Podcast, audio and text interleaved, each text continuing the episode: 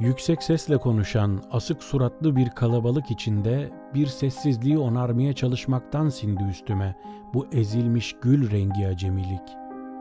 Bir kirlenmeden korunmak için susarak yaşadığım her şeyin bir yenilgi olduğunu çok sonra öğrendim. Benim kıyısında bir saygıyla beklediğim olanak başkalarının çiğneyip attığı bir sıradanlıktı. İnsanın acısını insan alır. Herkesin gövdesiyle var olduğu yerde yüreğini öne süren bir beyazdım zenciler arasında. Kimsenin başkasının gözünün içine bakamadığı, herkesin çoğalmak için aynasını yanında taşıdığı yankısız bir zamanda insanları sulara bakmaya çağıran meczup, bir beşinci mevsim simyacısıydım yanlışını sevip yenilgisini kutsayan. Bir solgunluktan geliyorum evet. Kıyılarındayım işte tüm kirlenmişliğim, tüm arınmışlığımla. İnsanın acısını insan alır.''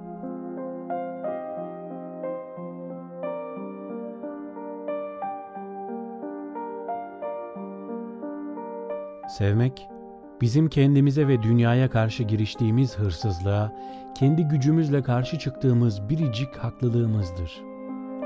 Alacakaranlığın ufalıya ufalıya sildiği bir adamı tutup ellerinden, başına ay ışığından bir hale geçirmektir, kaybolmadan sabaha çıksın diye. Sevmek, özünde var olan büyük bağlanmaya karşın insanı günlük ilişkilerin kişiliksizleştirdiği tutsaklıktan kurtaran en büyük özgürlüktür.'' Işıkları kesilmiş odalarda kirpiklerden ve parmaklardan mumlar yakıp derin bir hazla ışıyan güzelliğini seyretmektir. Sevmek, barışın kişiye özel adıdır.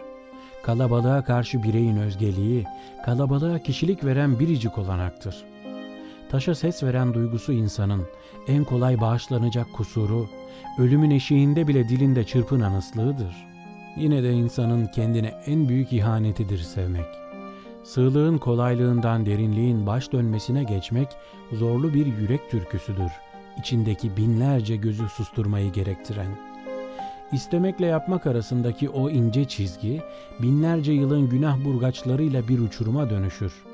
Dünya karşı tarafta, biz bu tarafta kalmışızdır. Bir iki cılız sesten başka ses yoktur sesimizi karşılayan. Bu uçuruma verebileceğimiz kurban, içimizde yeni yeni kekelemeye başlayan sevincimizdir.'' Mutluluğumuza karşı ayaklanan çoğunluk geri çekilmiş, kimse mutsuzluğumuzla ilgilenmez olmuştur.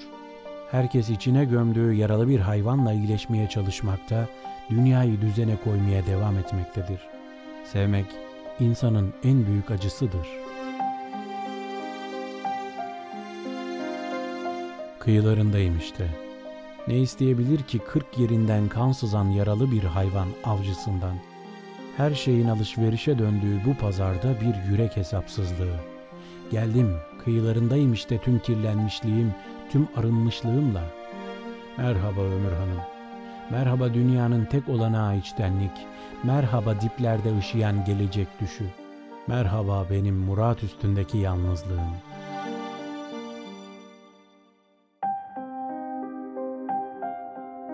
Ne yapacağımı sanıyorsun ki? tenin tenime bu kadar sinmişken, ömrüm azala azala akarken önümde, gittiğin gerçek bu kadar herkese benzerken, senin korkularını, benim inceliğimi doldurup yüreğime, bıraktığın boşluğu yonta yonta binlerce heykelini yapacağım.''